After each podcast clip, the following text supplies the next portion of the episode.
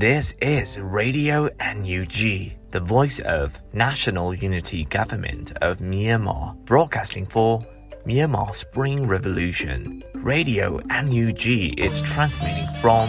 shortwave 16 meter 17.79 megahertz at 8:30 a.m. and 25 meter 11.94 megahertz at 8:30 p.m. Myanmar Standard Time. မင်္ဂလာပါခင်ဗျာ အမျိုးသားညီညွတ်ရေးအစိုးရရဲ့အတန်လွင့်ဌာန Radio NUG ကိုမနက်ပိုင်း၈နာရီခွဲမှာလိုင်းတို16မီတာစက္ကန့်တက်သမ9 MHz ညပိုင်း၈နာရီခွဲမှာလိုင်းတို25မီတာ17တက်သမ6 MHz တို့မှာဓာတ်ရိုက်ဖမ်းယူနိုင်နိုင်ပါပြီမင်္ဂလာအပေါင်းနဲ့ပြည့်စုံကြပါစေအခုချိန်ကစပြီး Radio NUG အစီအစဉ်တွေကိုဓာတ်ရိုက်အတန်လွှင့်ပေးနေပါပြီ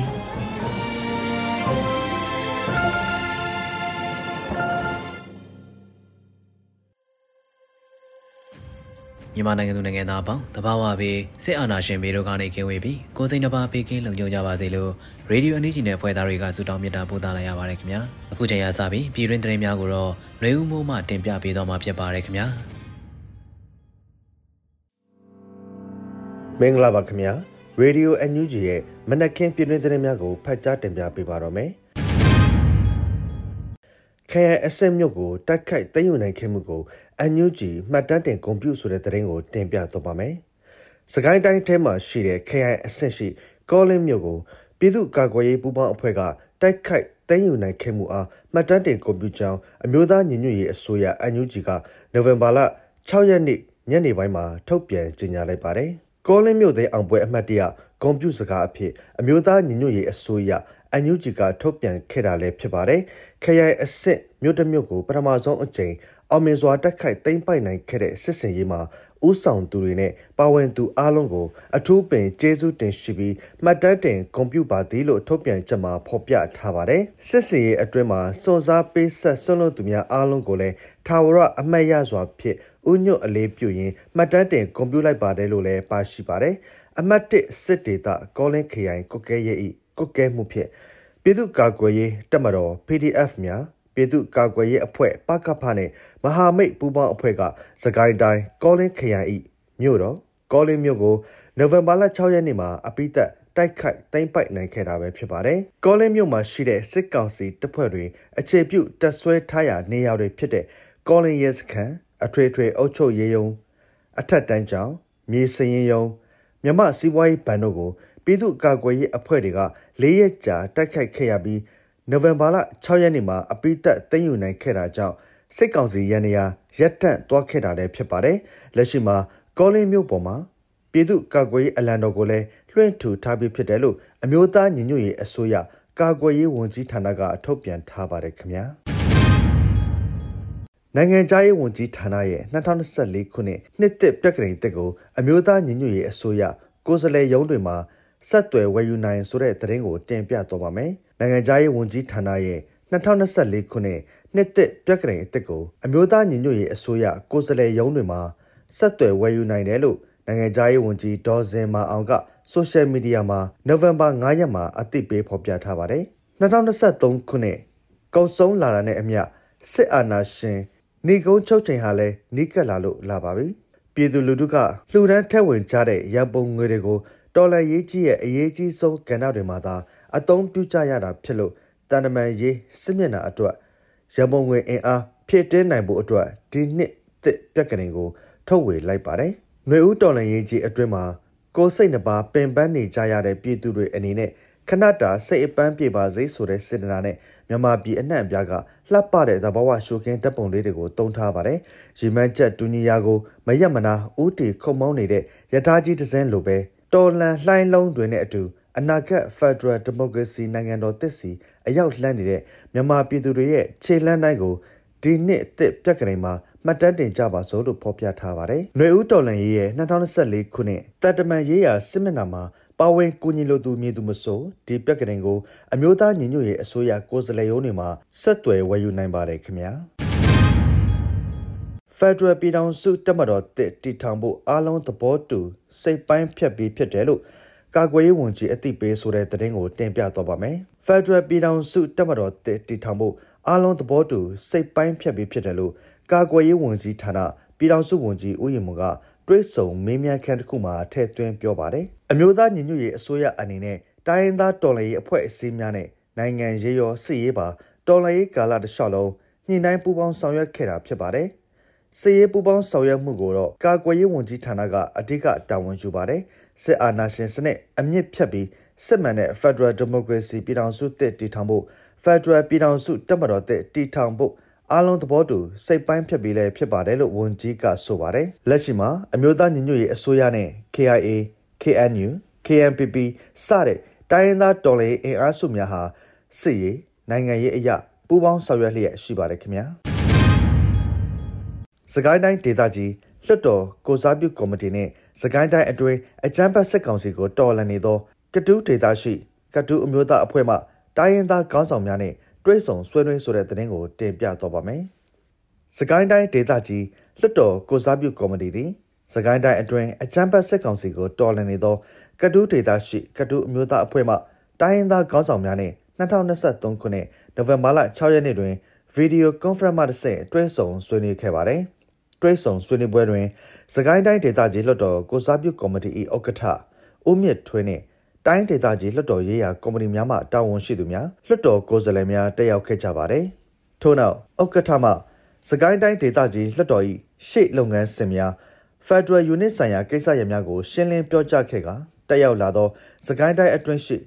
ကတူးဒေသတိုင်းရင်းသားကောင်းဆောင်များဘက်မှလည်း Federal ရေးရာအကြံပြုချက်များကိုပြန်လည်ဆွေးနွေးခဲ့ကြပါတယ်ခင်ဗျာ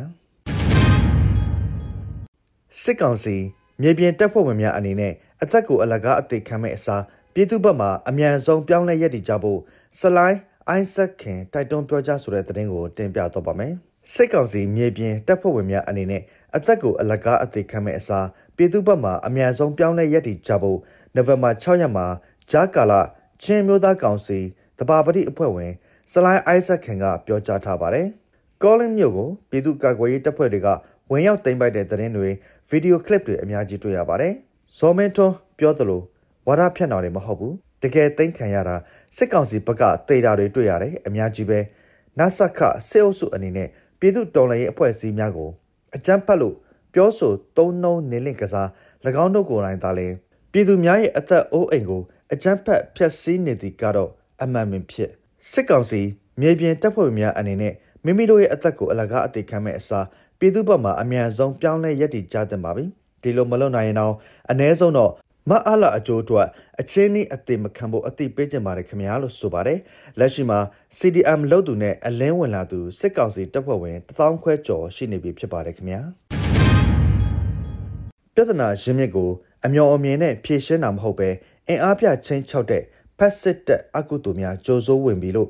ဦးမင်းကိုနိုင်ဆိုဆိုတဲ့သတင်းကိုတင်ပြတော့ပါမယ်ပြဿနာရင်းမြစ်ကိုအမျော်အမြင်နဲ့ဖြေရှင်းတာမဟုတ်ပဲအင်အားပြချင်းချောက်တဲ့ဖက်စစ်တက်အကုတူများကြိုးစိုးဝင်ပြီလို့ဦးမင်းကိုနိုင်ကဆိုလိုက်ပါတယ်ပြဿနာရင်းမြစ်ကိုအမျော်မြင်နဲ့ဖြေရှင်းတာမဟုတ်အင်အားပြချင်းချောက်တဲ့ဖက်စစ်တက်ဘာဖြစ်တယ်လဲအကုတူများကြိုးစိုးဝင်ရင်မတော်တဆမှားတာမဟုတ်အစည်းအဝေးခေါ်ပြီးကြက်ကြနနမှားတာချင်းချောက်ချင်းစောနဲ့မှားပုံကရှေ့ကလူကိုပေါက်ချွန်းနဲ့ရွယ်ပြီးအားကုံမြောက်လွဲ ကိုကြောကိုပြန်ပေါက်မိတယ်လို့ပဲလို့ဆိုပါတယ်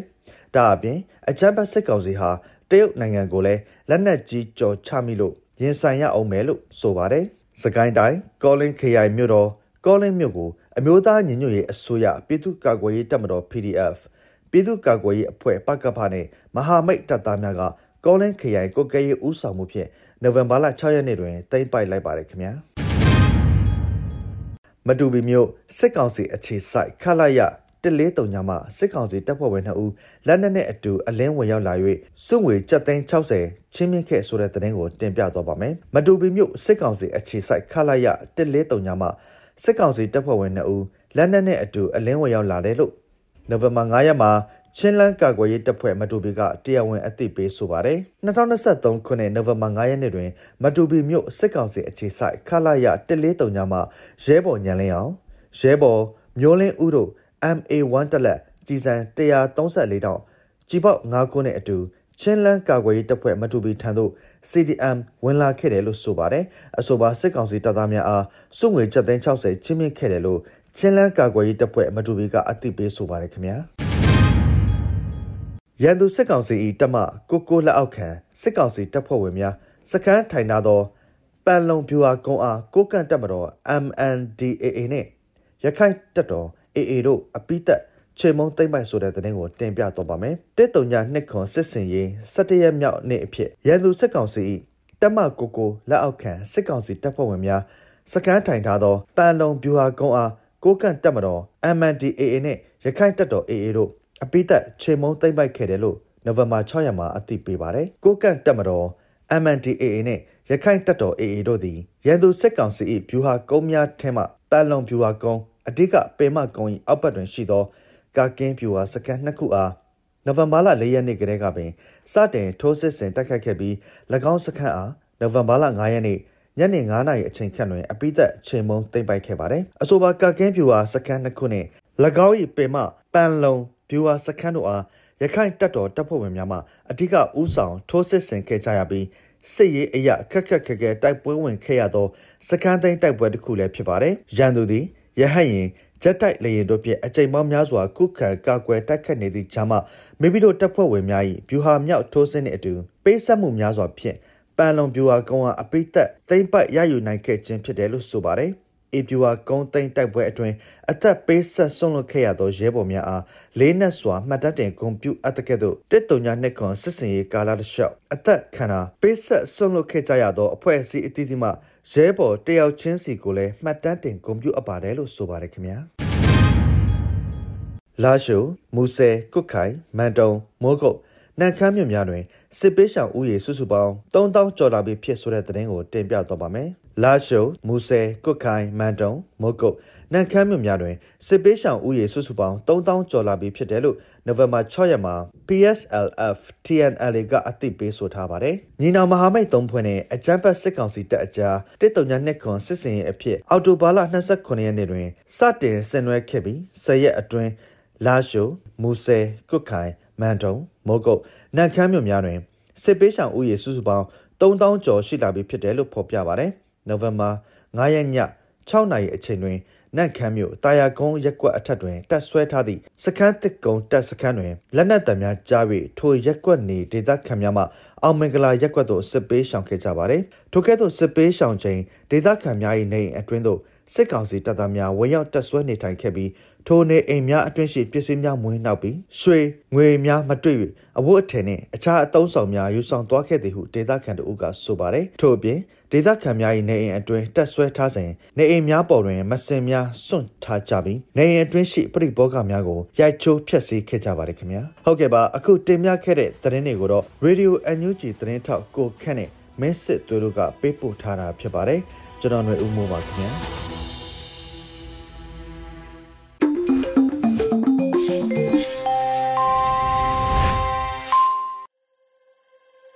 ပြည်တွင်းသတင်းများကိုနားတော်တာဆင်ခဲ့ကြရတာဖြစ်ပါတယ်။ဆက်လက်ထုတ်လွှင့်ပေးမှာကတော့တော်လိုင်းကဗျာကဏ္ဍအစီအစဉ်ပဲဖြစ်ပါတယ်။ကိုအောင်မိုင်းရေးသားပြီးလွတ်လပ်နေဦးခန်းစားရွတ်ဖတ်တဲ့နှုတ်ဆက်နှမ်းအမည်ရတဲ့တော်လိုင်းကဗျာကိုခန်းစားနားဆင်ကြမှာဖြစ်ပါတယ်။နှုတ်ဆက်အနံစွပစ်ခံရတဲ့ဖနှက်စုပ်တရံလိုတက်ကြီးရွယ်အိုတွေရဲ့တိတ်တခိုးရှိုက်တဲ့ဟာအနာဂတ်ခံစားမှုအတွက် ဂေဟစနစ်ကြီးကိုဆန့်ကျင်လို့နောက်ဆုံးထွက်သက်ဖြစ်သွားတယ်ပြိုးခဲ့တဲ့ပန်းကင်းအတွက်အနာဂတ်ကိုသူယုံပေမဲ့အနာဂတ်ကသူ့ကိုယုံပါမလားမသေးကြတဲ့မျောလင့်ချက်အတွက်အရှိမနေထွက်တယ်ဆိုတာဒန္တာကြီးတပုတ်လိုဖြစ်သွားပေါ့လက်တွဲပေါ်နှုတ်မဆက်ခင်ရင်ထဲကအတိတ်ကအုံနောက်ကိုဖြက်စီး နှုတ်ဆက်တယ်ဆိုတာထာဝရလားနှုတ်ဆက်တယ်ဆိုတာခဏတာလားအနန်းတွေဟာချုံမိန်မှုကင်းမယ်အိတ်ဆက်မှုကသူ့နဲ့တိုက်ပွဲဖြစ်တဲ့အခါအရင်ကလိုသူ့ဘက်ကအဖော်မပါလီတော့မအိတ်ဆက်မှုကအနိုင်ရသွားပေါ့တန်ပေါင်းများစွာဟာနှုတ်ဆက်သွားခဲ့ထောင်ပေါင်းများစွာဟာနှုတ်ဆက်နေတယ် ရာပေါင်းများစွာဟာနှုတ်ဆက်ဖို့စောင့်နေတယ်နှုတ်ဆက်တယ်ဆိုတာထာဝရလားနှုတ်ဆက်တယ်ဆိုတာခဏတာလားအဘိဓမ္မာဟာတခါတလေမှားတယ်နှုတ်ဆက်တယ်ဆိုတာဝေးသွားခြင်းပဲကိုအောင်မှိုင်း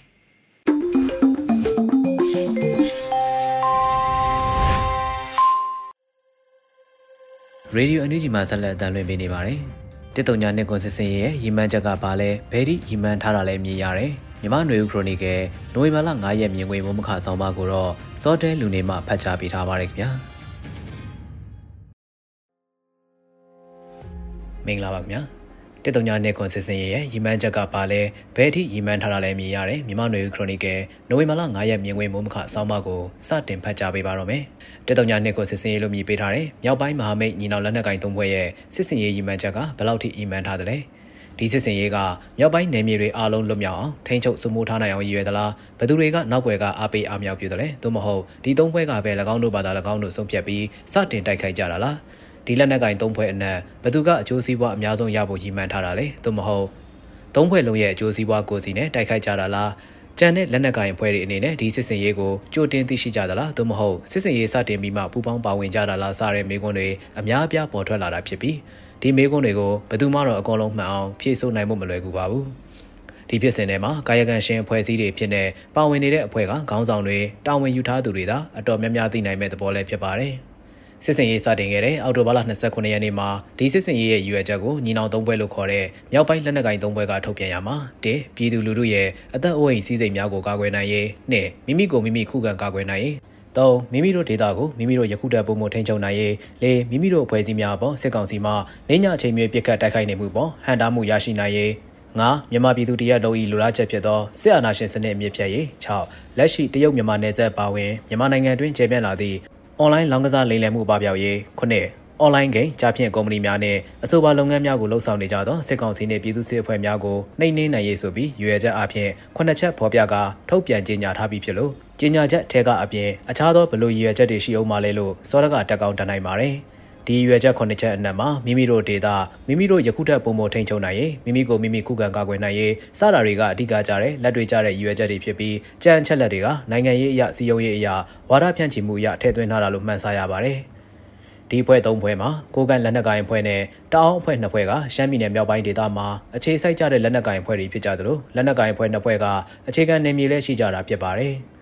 တတိယအဖွဲ့ဖြစ်တဲ့ရခိုင်တပ်မတော်အနေနဲ့ကရခိုင်ပြည်နယ်က၎င်းတို့ရဲ့အခြေစိုက်နယ်မြေဖြစ်ပြီးစတင်တည်ထောင်ခဲ့တဲ့ဒေသဖြစ်တဲ့ကချင်ပြည်နယ်လိုက်စာမှာတော့ KIA ရဲ့အကူအညီသဘောတူညီမှုနဲ့ AA အနေနဲ့လက်နက်ကင်တပ်ဖွဲ့တွေရှိသလိုတိုင်းဒေသလက်နက်ကင်ဒေသအချို့မှာမဟာမိတ်အနေနဲ့ AA ရဲ့လက်နက်ကင်ဖွဲ့စည်းချို့ဖွဲ့စည်းကပူးပေါင်းလှုပ်ရှားနေကြတာဖြစ်ပါတယ်။ဒီစစ်စင်ရေးကိုစတင်တိုက်ခိုက်ကြတဲ့ညီနောင်လက်နက်ကင်သုံးဖွဲ့အနေနဲ့ KIA နဲ့ဘယ်လောက်ထိသဘောတူညီမှုသို့မဟုတ်အခုစစ်စင်ရေးကို KIA ရဲ့အကျိုးစီးပွားနဲ့ရည်ရွယ်ချက်ပါဝင်နေလားဆိုတဲ့အချက်ကလည်းနိုင်ငံရေးလေလာသူတွေကြားသိရှိလိုတဲ့မေးခွန်းတစ်ခုဖြစ်နေတာပါ။ KIA အနေနဲ့လိုင်ဇာဖကန်ကချင်ပြည်နယ်နဲ့စကိုင်းတိုင်းထိစပ်နေတဲ့ဒေသတွေမှာစစ်ကောင်စီနဲ့ရင်ဆိုင်နေသလိုစစ်ကောင်စီကမြစ်ကြီးနားဗမော်ကားလန်လိုင်ဇာပါဝင်လမ်းကြောင်းတွေကိုလွန်ခဲ့တဲ့၄-၅လခန့်တည်းကတက်တွေရွှေ့ပြောင်းပြီးတိုက်ပွဲတွေကြိုကြားကြိုကြားဖြစ်လာတာကိုအကဲခတ်ကြည့်ရရင် KIA ကသူ့ရဲ့ဌာနထိန်းချုပ်နယ်မြေတွေကိုချင်းချောက်လာတဲ့စစ်ကောင်စီကိုနောက်တနေရာမှာစစ်မျက်နှာပွင့်လှုပ်ရှားစေခြင်းအပြင်လိုင်ဇာဗမော်ဖားကန်စားတဲ့ဒေသတွေမှာအသာစီးရအောင်တိုက်ဖို့လွယ်ကူစေလိုတဲ့ရည်မှန်းချက်ရှိသလားဆိုတာလဲတွေးဆစရာချက်တစ်ချက်ဖြစ်ပါတယ်။မြောက်ပိုင်းလက်နက်ကိုင်အဖွဲ့၃ဖွဲ့ရဲ့စစ်ရေးကိုဘေးကစောင့်ကြည့်နေတဲ့အဖွဲ့တွေအနက်ရှမ်းလက်နက်ကိုင်အဖွဲ့တွေပါဝင်နေတာအသေးချဖြစ်ပြီးအဲ့ဒီအဖွဲ့တွေအနေနဲ့ဘယ်လိုသဘောထားရှိမလဲဆိုတာတော့လူသိထင်ရှားထုတ်မပြောပေမဲ့လည်းနေမြေစိုးမိုးမှုအရလူမျိုးစုနေထိုင်မှုအရစိုးရိမ်မှုတချို့ရှိနေကောင်းရှိနေမှာအသေးချပဲဖြစ်ပါတယ်။သို့မဟုတ်ဒီစစ်စင်ရေးမလုံဆောင်မီကလေးကညီနောင်လက်နက်ကိုင်ဖွဲ့သုံးဖွဲ့အနေနဲ့လည်းရှမ်းလက်နက်ကိုင်ဖွဲ့တွေကိုအတိပေးသဘောတူညီမှုယူထားတာမျိုးလည်းဖြစ်ကောင်းဖြစ်ပါလိမ့်မယ်။ အခုစစ်စင်ရေးမှာနေချင်းထိစပ်နေတဲ့ဝါပြည်ကအာဏာပိုင်တွေကတော့ဒီပဋိပက္ခမှာစစ်ကောင်စီဘက်ကရောမြောက်ပိုင်းလက်နက်ကင်သုံးဖွဲ့ဘက်ကိုပါဘယ်ဘက်ကမှပါဝင်မှာမဟုတ်ကြောင်းနဲ့၎င်းတို့ရဲ့နယ်မြေပိုင်နက်ကိုအုံပြုခွင့်ပေးမှာမဟုတ်သလိုဝင်ရောက်လာတဲ့ဘယ်အဖွဲ့မဆိုပြက်ပြက်သားသားတိုက်ထုတ်သွားမယ်လို့လည်းအသိပေးကြေညာထားပါတယ်။ ဝါပြည်သွေးစည်းညညရေးအဖွဲ့အနေနဲ့ဒီလက်နက်ကင်စစ်စင်ရေးတွေမှာပေါ်ပေါ်ထင်းထင်းမပါဝင်တော့လဲမကင်းရမကင်းကြောင်းလက်နက်အကူအညီစတာတွေရှိနိုင်သလားဆိုတဲ့ယူဆမှုတွေလည်းရှိနေနိုင်ပေမဲ့ဝါအဖွဲ့အနေနဲ့ကတော့လူသိရှင်ကြားဘာမှအကူအညီပေးတာတွေလှုပ်ဆောင်မှာမဟုတ်တာရှင်းလင်းတဲ့အနေအထားမျိုးလည်းဖြစ်ပါတယ်ရှင်းလင်းမြင်သာတဲ့ချက်တစ်ချက်ကတော့မန္တလေးတိုင်းကနေရှမ်းပြည်နယ်မြောက်ပိုင်းကိုဖျက်တမ်းလာတဲ့ကုန်းသွေးလမ်းကြောင်းကိုအခုလက်နက်ကင်သုံးဘက်ကချိန်ချောက်နိုင်တဲ့အချက်ဖြစ်ပါတယ် နေမြေအဖြစ်ကျဲပြန့်ပြီးပထဝီနေထားရသွားရေးလာရေးခက်ခဲတာအချိန်တွင်းတနေရာနဲ့တနေရာကိုမြင်မြန်ဆန်ဆန်သွားလာနိုင်ခြင်းမရှိတာဟာရှမ်းပြည်နယ်မြောက်ပိုင်းရဲ့ဝိသေသအနေထားဖြစ်ပြီးဒီချက်တွေကညီနောင်လက်နက်ကင်သုံးဘွဲကိုအားသာစေတာဖြစ်ပါတယ်စစ်ကောင်စီအနေနဲ့တရုတ်နယ်စပ်ကုန်သွယ်ရေးလမ်းကြောင်းဟာခွန်အကောက်တွေရရောအခြားသောအကြောင်းအရာတွေရပါအရေးပါတဲ့ဒေတာဖြစ်ပါတယ်စစ်ကောင်စီအနေနဲ့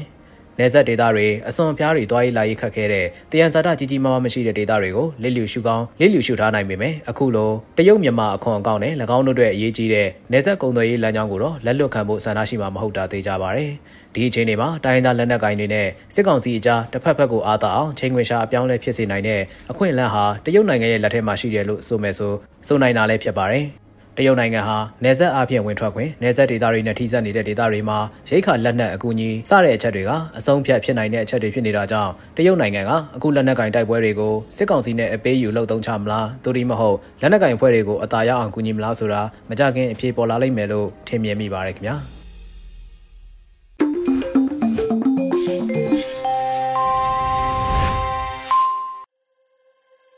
ရေဒီယိုအန်ယူဂျီရဲ့မနက်ပိုင်းစီစဉ်များကိုဆက်လက်တင်ပြနေပါတယ်။တော်လိုင်းရေးတေဂီတာအစီအစဉ်မှာတော့ရဲဘော် Sky Point တည်ဆိုထားတဲ့သူရဲကောင်းတို့ထုံးကားရမြေအမိရတဲ့တော်လိုင်းရေးတေဂီတာကိုထုတ်လွှင့်ပေးသွားမှာဖြစ်ပါတယ်ခင်ဗျာ။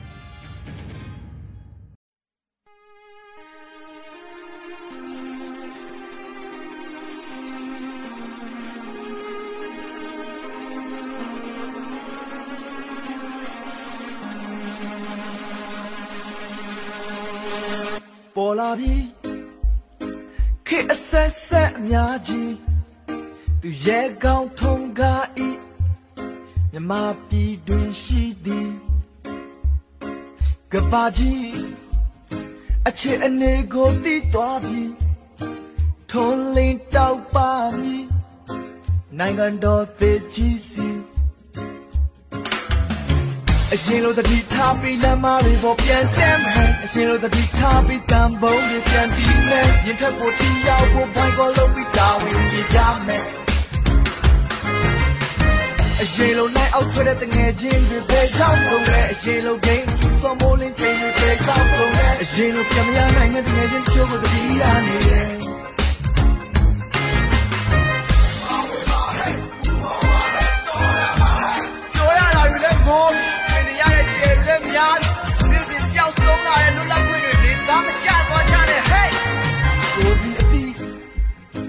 ဒီအချိန်သိအရေးကြီးအမေစကားပြန်ကြမိပြည်သူသားရှိသည်တော်လာမီ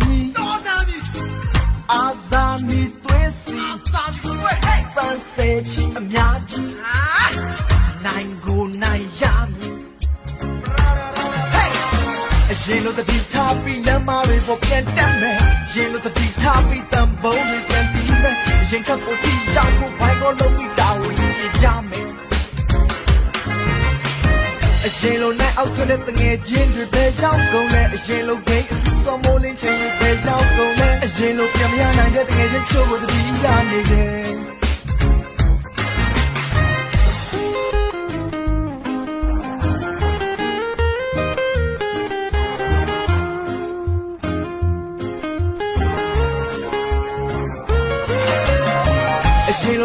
ထားပြီးလမ်းမတွေပေါ်ပြန်တက်မယ်အရင်လိုတတိထားပြီးတန်ပုံးတွေပြန်ပြီးမယ်ရင်ထက်ပေါ်တီရောက်ဖို့ဘိုင်ကောလုံးပြီးတာဝန်ကြီးကြမယ်အရင်လိုနိုင်အောက်ထွက်တဲ့တငယ်ချင်းတွေပဲရောက်ကုန်လဲအရင်လိုဂိမ်းစောမိုးလင်းချိန်တွေပဲရောက်ကုန်လဲအရင်လိုပြန်မရနိုင်တဲ့တငယ်ချင်းချိုးကိုတတိရနေတယ်ရင်လိုတတိထားပြီးလမ်းမတွေပေါ်ပြန်တက်မယ်ရင်လိုတတိထားပြီးတန်ပုံးတွေပြန်ပြီးမယ် ရင်ထပ်ပေါ်တီရောက်ဖို့ဘိုင်ကောလုံးပြီးတာဝန်ကြီးကြမယ်အရင်လိုနဲ့အောက်ထွက်တဲ့တငယ်ချင်းတွေပဲရောက်ကုန်လဲအရင်လိုဂိမ်းအစုစောမိုးလင်းချိန်တွေပဲရောက်ကုန်လဲအရင်လိုပြန်မရနိုင်တဲ့တငယ်ချင်းချို့ကိုတတိရနေတယ်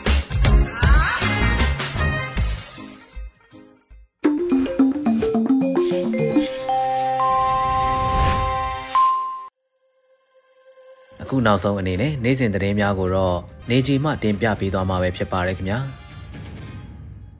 ခုချိန်ကစပြီး Fifi TV သတင်းလေးကိုတင်ဆက်ပေးတော့မှာပါကျွန်မနေကြီးပါရှင်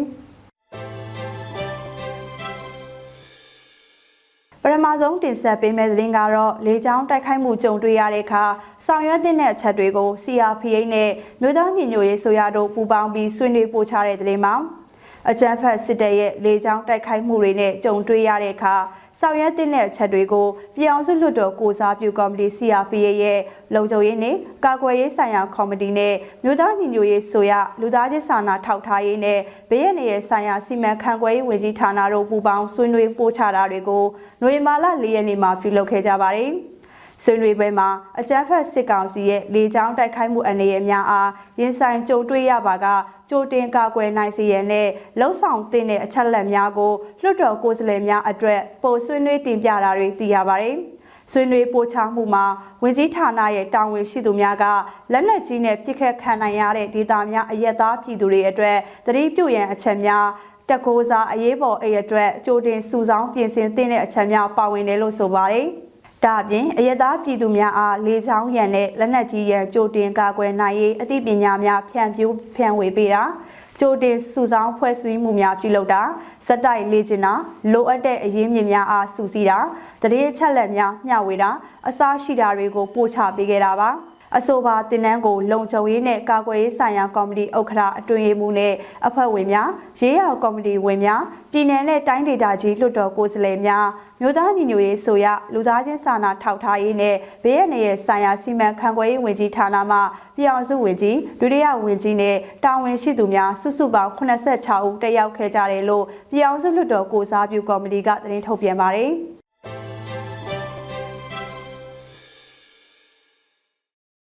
တင်ဆက်ပေးချင်တာကတော့အကြမ်းဖက်စစ်ကောင်စီလက်အောက်ခံငပူတော်မြို့မရဲစခန်းမှာရဲတပ်သားတအူပတ်သိမ်မြို့နယ်ပါကဖထံ CDN ပြုလုပ်တဲ့တဲ့တင်မှာ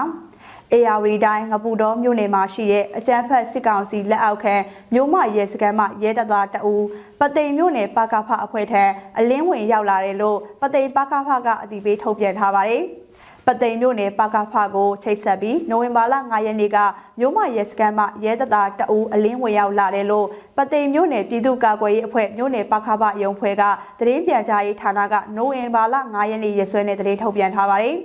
ပသိမ်မြို့နယ်အတွင်းပသိမ်ပါခဖအဖွဲ့ထံချိတ်ဆက်ပြီး CDN ပြုလုပ်လာတဲ့အကြမ်းဖက်စစ်ကောင်စီရဲဝင်တန်း6ဦးအထိရှိခဲ့ပြီးအဘီအထူးသတင်းတပ်ဖွဲ့မှရဲ3ဦးနဲ့မြို့နယ်ရဲတပ်ဖွဲ့ဝင်3ဦးအထိရှိခဲ့တယ်လို့ပြောပါတယ်။ အကြမ်းဖက်စစ်ကောင်စီလက်အောက်ခံအဖွဲ့ဝင်စစ်သားနဲ့ရဲတပ်ဖွဲ့ဝင်များကိုပြည်သူရင်ဝင်ကိုခိုလုံကြဖို့ပသိမ်မြို့နယ်ပါကဖာကတိုက်တွန်းနှိုးဆက်လျက်ရှိတယ်လို့ဖော်ပြထားပါတယ်။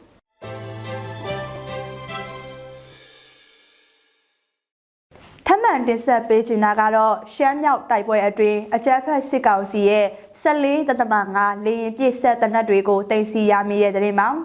ရှမ်းမြောက်တိုက်ပွဲအတွင်းအကြမ်းဖက်စစ်ကောင်စီရဲ့ 14.5လေရင်ပြည့်ဆက်တနက်တွေကိုပါတင်စီရမိတယ်လို့မြောက်ပိုင်းမဟာမိတ်သုံးပွဲကမနေ့ကထုတ်ပြန်ပါတယ်။ကျွန်တော်ခံမှန်းမိတာကတော့လေရင်ပြည့်လက်နက်ဆိုတော့14.5ဖြစ်လောက်တယ်လို့မြန်မာမျိုးသားဒီမိုကရက်တစ်မဟာမိတ်တပ်မတော် MNDAA ရဲ့ကိုကန့်ပြန်ကြားရေးတာဝန်ခံလီဂျာဝင်းကပြောပါတယ်။သိန်းစီရရှိခဲ့တဲ့လက်နက်ပစ္စည်းတွေနဲ့ပတ်သက်ပြီးအသေးစိတ်အတီမပြုတ်နိုင်သေးသလိုအရေးအတွက်ကိုလည်းမသိရသေးဘူးလို့သူကပြောပါတယ်။ မြောက်ပိုင်းမဟာမိတ်သုံးဘွဲက2029စစ်စင်ရေးဆင်နွှဲလာတဲ့ဆယ်ရဲမြောင်းလေးဖြစ်တဲ့အတွက်နိုဝင်ဘာလ9ရက်နေ့မှာရန်သူစစ်ကောင်စီရဲ့စစ်ရေးအရာအရေးပါတဲ့စစ်စခန်းအကြီးနဲ့ရဲဘက်အုပ်ချုပ်ရေးဘက်ဆိုင်ရာစခန်းတွေ၎င်းတို့ရဲ့လက်အောက်ခံပြည်သူစစ်စခန်းတွေအပါအဝင်တပ်စခန်းစုစုပေါင်း120ကျော်ကိုတင်ပိုက်ရရှိခဲ့တာပါတိုက်ပွဲအတွင်းအကြမ်းဖက်စစ်တပ်ဘက်ကနေတင်ကားကြီးတွေ ဟောင်းဝစ်စာလက်နက်ကြီးတွေလက်နက်ပစ်လက်နက်ကြီးတွေနဲ့စစ်လက်နက်ခဲယမ်းများအများအပြားသိမ်းဆည်းရရှိခဲ့တယ်လို့ဖော်ပြထားပါတယ်။အဲ့ဒီတနက်ပြောင်း14.5စစ်လေးရင်စစ်တနက်တွေကအကြမ်းဖက်စစ်ကောင်စီတပ်ရဲ့စစ်ရေးရင်မှာတပ်စင်အုံပြုလေးရှိတဲ့လက်နက်မျိုးအစားဖြစ်တယ်လို့သိရပါတယ်။ဒီကနေ့ကတော့ဒီညနေပဲ Radio NUG ရဲ့အစည်းအဝေးကိုခਿੱတရရလိုက်ပါမယ်။ မြန်မာစံတော်ချိန်မနက်၈နာရီခွဲနဲ့ည၈နာရီခွဲအချိန်တွေမှာပြန်လည်ဆုံးဖြတ်ကြပါစို့ Radio NUG ကိုမနက်ပိုင်း၈နာရီခွဲမှာလိုင်းဒို16မီတာစက္ကန့်တသမ9 MHz ညပိုင်း၈နာရီခွဲမှာလိုင်းဒို25မီတာ17သမ6 MHz တို့မှာဓာတ်ရိုက်ဖမ်းယူနားဆင်နိုင်ပါပြီမြန်မာနိုင်ငံသူနိုင်ငံသားများကိုစိတ်နှပြကျန်းမာချမ်းသာလို့ဘေးကင်းလုံခြုံကြပါစေလို့ Radio NUG အဖွဲ့သူအဖွဲ့သားများကဆုတောင်းလိုက်ရပါတယ်။အမျိုးသားညီညွတ်ရေးအစိုးရရဲ့စက်သွေးရေးတရင်အချက်အလက်နဲ့ဤပညာဝန်ကြီးဌာနကထုတ်လွှင့်နေတဲ့ Radio NUG ဖြစ်ပါတယ်။ San Francisco Bay Area အခြေစိုက်မြန်မာမိသားစုများနဲ့နိုင်ငံတကာကစေတနာရှင်များလှုပ်အားပေးများရဲ့ Radio NUG ဖြစ်ပါတယ်။အရေးတော်ပုံအောင်ရမည်